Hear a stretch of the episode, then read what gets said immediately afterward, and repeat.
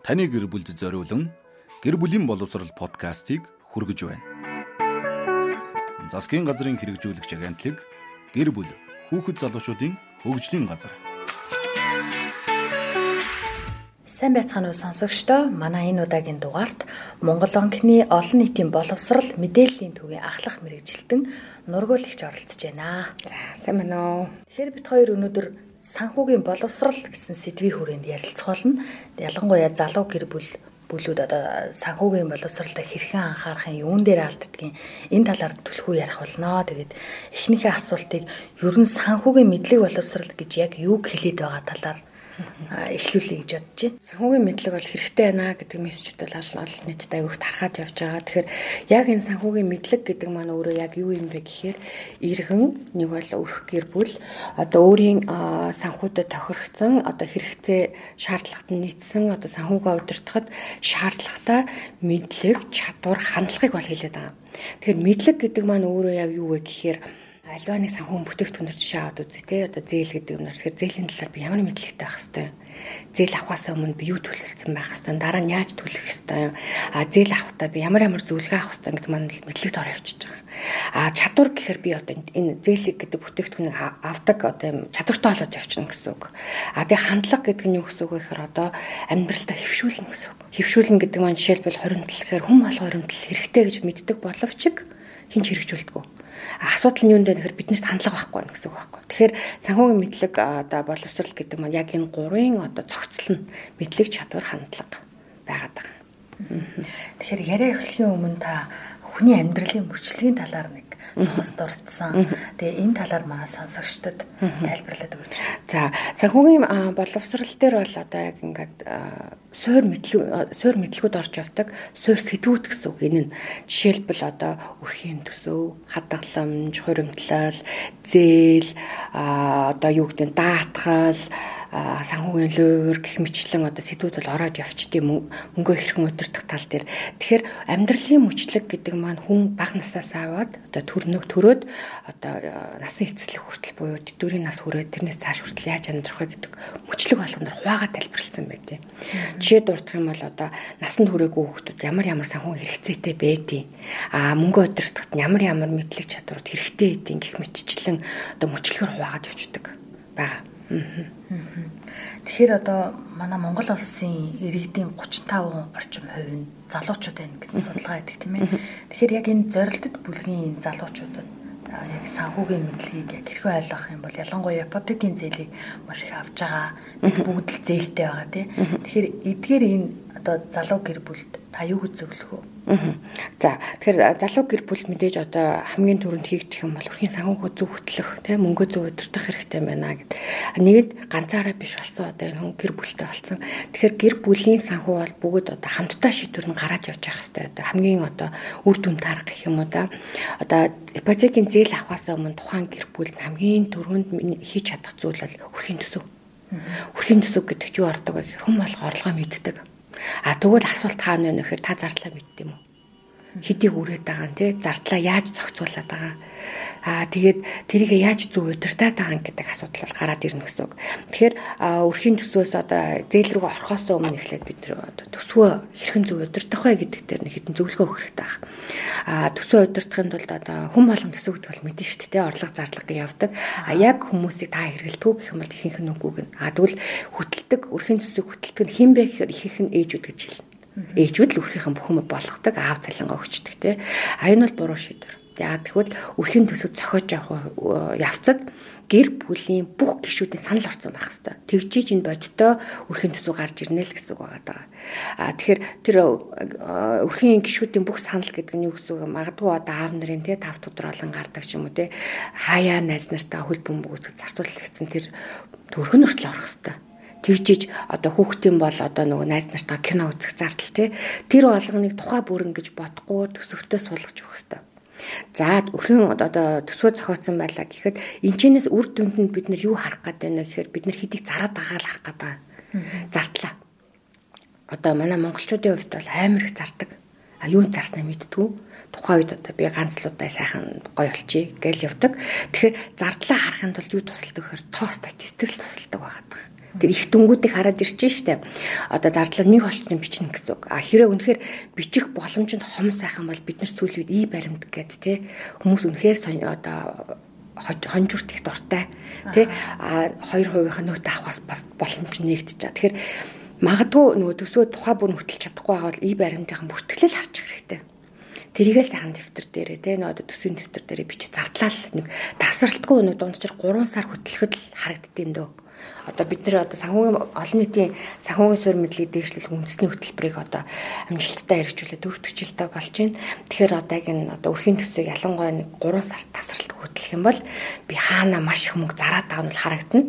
А ерөнхийдөө харагдахаар бид нэр асуудал хаан дээр гарах вэ? Хүсэл хэрэгцээг л ялгаж чадхаа болчдаг. Тэгэхээр өнөөдөр хүсэл гэдэг нь яг юу юм? Хэрэгцээ гэдэг нь юу юм ингээд бодоод үзье л тавилаа тий. А хэрэгцээ гэхээр таны хувьд юу ажиллаж болох вэ? Өдөр тутмын одоо ахуйн зардлууд орох юм болов? Яг үнэ. Тэгэхээр хэрэгцээ гэхээр одоо бид нар нөгөө агааргүй амьдарч чадахгүй те хоолгүй бас амьдарч болохгүй аа тэгээд гэх мэтчлэн яг яг өөртөө хэрэгтэй юмдаа л мөнгө зарцуулахыг хэлээд байгаа. А хүсэл гэдэг нь гэхээр одоо бид нар өнөөдөр хүнсэндээ жишээлбэл одоо монгол хүмүүсийн гол бүтээгдэхүүн бол маах гурил сонгон гэдэг нь сайн батлагдчихлаа шүү дээ. Зар тахлын үрэл те дэлгүүрүүдээс. А тэгвэл хүсэл гэдэг нь юу вэ гэхээр тэр хүүхдийн шүдийг өвтгөж байгаа чихэр жимснүүд агаад байгаа мэдээж авалгүй ах уу те хаяа бол авч өгч болно. Байн гол биш шүү дээ. Тэгэхээр хүсэл хэрэгцээхээр энэ яг надад хэрэгтэй юу гэдгээл дэлгүрт ороод юм авч явахтаа л харах хэрэгтэй. Аргачлал нь ямар байдаг гэхээр та дэлгүрт орохоос өмнө яг хэрэгтэй юм а бичээл аваад орчих. Тэгээ тэрийг хамгийн сайн баримтлуулдаг хүн хэн бэ хүүхдэд хүүхдэд. Барилж байгаа хүүхдэл илүү юм авахгүй шүү дээ. Яг л нөгөө харандаага барьж байгаа л за одоо та төмс аавна. Одоо энийг аавна гэд бас сайн туслахуд бол байгаа. Тэгэхээр ингээ анханасаа бичээд ингээ оруулаад аа хүүхдтэйгээ явж бол анханасаа тохиролцох хэрэгтэй.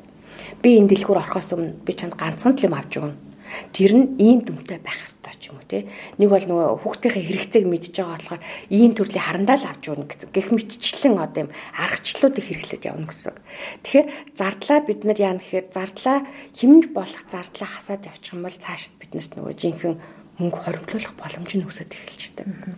Тэгэхээр хоримтлалыг хүн болгон үүсгэе гэж боддог боловч бас төдийлөн чаддаг шүү дээ. Тэгэхээр яг юун дээр нь анхаарах юм бол илүү хоримтлалтай болж чадах юм бол. Тэгэхээр одоо яг энэ цар тахалч гэсэн харуулчлаа шүү дээ. Бид нэр юугаар амьдрах юм бэ? Хэрвээ та санхүү мэдлэг боловсралтай байх юм бол та зарцуулахаас өмнө хоримтлуулчаад үлдснээ зарцуулах хэрэгтэй байхгүй. А манайх бол яг эсрэг яваад шүү дээ. Мөнгөтэй олчлаа, зарцуулчлаа, үлдснээ хоримтлуулна гэж ярьдаг байхгүй. Энэ явахгүй, энэ хизээч явахгүй. Яавал бид нэр үлдэх мөнгө байхгүй байхгүй. Зарцуулчдаг. Тэгэхээр үнэхээр бид нэр одоо яг ийм гинтийн орлого тасарч энэ бол эрсдэл шүү дээ. Бид нэр ийм одоо коронавирус гэж гана гэж мдэггүй те. А гэхдээ үнэхээр одоо санхүүгийн мэдлэг боловсралтай хүмүүс бол хоримтлалтай л байгаа гинти юмд нь. Тэгэхээр яг энэ хоримтлал гэдэг юм чи энэ л зориулагдсан байдیں۔ Одоо гинти хэрэгцээ нь одоо те мөнгө хэрэг болох юм бол хаанаас авах вэ? Зээл аваад гүхгүй нь штэ. Одоо байраа зарлаа гэхэд тухайн үед хамгийн ханшин унтсан байх үе нь яаж таарна. Юм юм зархаар зарж болохгүй, ажил хийж чадахгүй. Тэгэхээр энэ дэр хоримтол орж ирнэ гэсэн үг байхгүй. А зээлэн дээр түрүүн зээлийг бол асуусан тий. Гэр бүл ипотек явах вэ залуу гэр бүл гэхэд. За тэгвэл ипотек авахаас өмнө эхлээд бид нэр гэр бүлээр одоо төлгөөгөө ярих нь шүү дээ. Амьдралын нөгөө мөчлөг болгон дээр төлгөө гарах хэрэгтэй. Энэ бол хамгийн номер 1 зарчим За гэр бүл дээр юу юу орж ирэх вэ шинэ хүүхэд орж ирнэ, мэдээж орон байр орж ирнэ. За мэдээж машин орж ирэх бах те. Гэх мэтчлэн хэрэгцээнүүд нь өөр өөр болоод явчихна. За тэгвэл энэ гэр бүлийн хэрэгцээнд зориулагдсан мөнгийг хаанаас олох вэ те? Магадгүй бид нэр хоримтлуулна гэж явж байгаа хөвгшрөхтэй машин авах нь хэрэгтэй юу? Тийм шүү дээ. Хэрэггүй дээ. Тухайн хэрэгцээ шаардлага маань юу вэ гэдгээ тодорхойлоод төлхөө л гаргана гэсэн үг. Үнэхээр одоо машин одоо те байранд одоо эхний 30% хийж чадах мөнгөтэй байх юм бол тэр хүмүүс байр авахд үгүйсэхгүй. Гол нь юу бодох хэрэгтэй гэхээр би яаж төлөх үү гэдгээл бодох хэрэгтэй. Энэ байрыг нэгэнт би хариуцлагатайгаар манай гэр бүл өрхийн бүх одоо төсвөө судлуулж агаад 45% нь одоо ингэж зээл авч байгаа учраас би энэ одоо зээлийг хэдэн жил яаж доктортой төлөх үү гэдэг бодох хэрэгтэй. Ихэвчлэн хүмүүс ипотек авч үлээвэл яаж иж байгаа төлнө гэсэн бодолтой байдаг. Үгүй Энэ нь дараа гэр бүл дарамт учруулдаг. Санхүүгийн дарамт гэдэг бол одоо гэр бүлийн хоёр дахь маш том дайсан болоод явчихдаг. Дээж эхлээд харилцааны асуудал эднэр гарч ирэх бах тий. Тэгэхээр санхүү гэдэг чинь аяг хүчтэй эд. Одоо нөгөө мөрөөдөлт хүрэх хэрэгсэл чинь байгаа штэ энэ чинь бол зориг бол биш. Аа хэрэгсэл. Тэгэхээр одоо би энэ зээлийг ипотекийн зээлийг авахдаа би 20 жил төлнө. За 20 жил төлөхдөө би одоо ядаж эхний 3 жил би асуудалгүй төлөх надад их усүр юу байгаа лээ. Цалингаас өөрөө бас бодох хэрэгтэй. Гинт одоо юм одоо эрсдэл гараад ирлээ те. Магадгүй одоогийн үед бол одоо ингээд засгийн газраас Монгол анкнаас те МИКээс хөнгөлөлт үзүүлсэн шүү дээ. Одоо ипотекийн 8 5% зээлтэй хүмүүст бол хойшлуулах боломжийг олгочихж байна те. А тэгвэл бусад газар бол тэхгүй шин. Тэгэхээр тийм юмд бид нар бэлтгэлтэй өгдгээс асуух хэрэгтэй. Хоёрт гэр бүлийн гишүүд маань гимтүүл яах вэ? Энэ дээр бас бодох хэрэгтэй. Нөгөө нэг эрсдэл гэдэг чинь өөр янз бүр өгдөгтэй. Эрсдлийг бид нэр шууд хүлээж авах эрсдлүүд байна. Даатгуулах боломжтой эрсдлүүд байна. Гэх мэтчил эрсдлийг шилжүүлж бас болж байна. Тэгэхээр энэ бүхнийг бид нар урьдчилан тооцоолох хэрэгтэй. Тэр санхүүгийн одоо суур мэдлэг гэдэг дотор зээл гэдэг чинь бүхэл бүтэн нэг модулоор авчдаг. Зээлд ороход. Үнэхээр зээл авсны тохиолдол миний авсан зээл хаана бүртгэгддэг вэ? Жишээлбэл та тэрийг мэдв Мэдгүй шүү дээ. За та зээл авлаа гэж бодоо таны бүх зээл чинь одоо банк усаас ч авсан хамаагүй аа банк наас авсан ч гэж болно. Тэгэхээр бүгд Монгол банкн дээр байрлах зээлийн мэдээлэл сан бүртгэгдэй явждаг. Энэ юу хэлээд байна гэхээр та зээлээ төлөхгүй 3 сар 1 сар хоцрогдоод явах юм бол та муу зээлтэгч болж байна. А дараа нь гинт мөнгө хэрэг болдог дахиад зээл гэсэн чинь тань зээл болохдохгүй. Тэгэхээр наацхийн мэдлэг бид нар юу яриад байна гэхээр энийг энэ одоо маргааш яах вэ гэдгээ бодох хэрэгтэй. Өнөөдөр яах вэ авчлаа тий. Тэр маргаашийн тэр сахилах бот ямар яах вэ? Орлогоо яаж хуваарлах вэ гэдэг чинь л одоо сэтэв сэтвэрэл гарч ирэндээ. Тэгэхээр энэ бүгдээс одоо нөгөө гарт ирж байгаа цалингаас ирж байгаа мөнгөө одоо зарцуулахдаа залуучууд маш их бодох хэрэгтэй болох нь шүү дээ. Гэтэ тэр мөнгийг ер нь яаж зарцуулах нь зөв юм? Одоо та зөндөөл тайлбарлаа. Тэгтээ яг нөгөө гарт баригдсан мөнгөө хүн чинь их мөнгө харахаараа баярлан тийм. Яг тэр үед яг ямар алхам хийх хэрэгтэй юм бол. За э, их асуудлууд хаана гардаг мөнгө байхгүй гэж ярьдیں۔ Бид нарт мөнгө байхгүй шүү дээ. Одоо маргаашаал залгуулж ин гэж ярьдаг байхгүй. Хүн орлогогүй байвал хүн амьдрахгүй шүү дээ.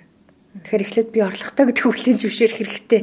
За би орлоготой бол одоо би мөнгө яаж зарцуулах вэ гэж бодохоор одоо хитгэн суур зарчим л байгаад байгаа байхгүй. Нэг тухаантай зарыг А хоёрт боломжтой байвал хоримтлуулъя. А хоримтлуулахдаа бид нэр одоо нөгөө амьдралын мөчлөгтэй зориулаад зориг зоригтой зориулж хоримтлнаа. Тэгэхээр залуу гэр бүлүүд одоо бас аялмаар штэ. Тийм. Тий. Тэгэхээр тэр аяллаа бүх тооцоог гаргана гэсэн үг. Нийслэгээс ихсүүлэл бүх юм тооцоолоо за эдэн төгрөг байх ёстой байна гэдгийг харчна. За харж байгаа юм бол одоо яах нь тэр мөнгөнийхөө хэдэн хувийг би эндээ зориулах вэ? Гэж хараад байгаа. Тэгэхээр ер нь дунджаар аваад үзэх юм бол орлогынхаа 10-аас 20%-ийг л хуримтлалаа сурчих. Эхний алхам бодол. Үнэхээр тэрийг өөрөөсөө ингээд мөнгө орж ирлэл бол зарим хүмүүс бол одоо жишээл сүүлийн үеийн одоо олон олон санхүүгийн боловсрал мэдлэг түгээдэг хувь хүмүүс их гараад ир штэ. Аргачлан зөндөө янз бүр байна. Тэр өөр тохирсноогоо л битээ өөрийгөө хүчилтэй. Одоо миний хувьд гэхэд бол би жишээлбэл цалингаасаа татуулдаг тийм одоо хуримтлалын данстай надтай наадгүй цалин буулаа шууд автоматар татчихдаг байхгүй. Яагаад гэхээр би тухай болгонд нь одоо банк руу гүйж чадахгүй. Мартна. А нэг бол өөрөөсөө харамлна. Тухайг зарчихыг бодно те. Тэгэхээр ямар аргачлал хэрэглэдэг вэ? Цалингаас шууд татуулдаг тийм бүтээгдэхүүн сонгоно чинь гой гой аргачлалыг хэрэглээ авчиж шүү дээ. За тэгээд за энэ бол зүгээр тогтмол гинтийн хэрэгцээнд зориулагдсан хуримтлал болчлоо. За дараагийнх нь юу аах вэ гэхээр бид нэр одоо төрний аял маял те тэрнээр хэдийг зарцуулах хэрэгтэй гэх мэтчлэн гинт мөнгө ороод ирэх юм бол зүгээр л автоматар л хагсын л хуримтлал. Зарим хүмүүс бол тэгж ярьдаг. Яагаад бол бид нар аяусаа хүрэж чаддаг байхгүй. Бага мөнгөө бид нар үнэхээр сайн хүрэж чадна. Гол нь зарцуулж чаддаг байхгүй Тэгэхээр үнэхээр хоримтлаа аваад үлдчих юм бол цаана бид нар яах нь вэ? Тэр хоримтлын мөнгө чинь эрсдэлт чинь ч орно. Гинти эрүүл мэнд. Гинт та өвдвөл яах вэ? Хаанаас мөнгө авах вэ? эцэг гэхээгээл гүшт те тэгвэл та өөр амьдралаа үсгэсэн бол өөрийнхөө санхүү дээр сахилга баттай байх хэрэгтэй байхгүй өөр өөрийнхөө одоо те за тэг гэр бүл төлөвлөж байгаа хүмүүс ирээдүйн хүүхдэд за хүүхдэд хэдэн төгрөг зарцуулах вэ а сүлд нэг судалгаа байдیں۔ Одоо Солонгос тийм Солонгос улсад нэг хүүхдийг 16 нас хүртэл нь одоо зарцуулагдсан мөнгө хэвдэ гэсэн чинь 560 сая гэж гарсан байдаг. Яг нь солонгос хөгжсөн орн л доо. Манай дээр одоохондоо яг ийм судалгаа байхгүй байгаа. Тэгэхээр яг хүүхдийнхээ одоо бид нар бол нэг том томоохон зардлуудыг бол ботч чадна шүү дээ. Одоо за би энэ сургуульд үгүй гэх юм бол жилийн тэд байх хэрэгтэй юм байна тий.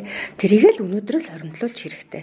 Ер нь хоримтлах тийм дадлыг суулгах юм бол энэ дараа нь тэр дөнгө хараад хүн амар баясдаг байхгүй их дүн ихийг цуглуулчихсан бол тэр хүн өөртөө ихтэй болно. Гэр бүлд нь аж аргалтай болж эхэлнэ. Ер нь санхүүгийн мэдлэг боловсрал гэдэг чинь таны нөгөө санхүүгийн сахилга баттай болгоод санхүүгийн хараат бус одоо тийм эрхчлөлт амьдралыг л зорж байгаа л лид шүү дээ. Миний урилгыг хүлээж авч залуучуудад зориулаад маш сайхан үнэтэй зөвлөгөөнүүдөө өгсөн танд баярлалаа. Тэгээ таны цаашдын ажил үйлсэд хамгийн өндөр амжилтыг хүсье. За баярлалаа.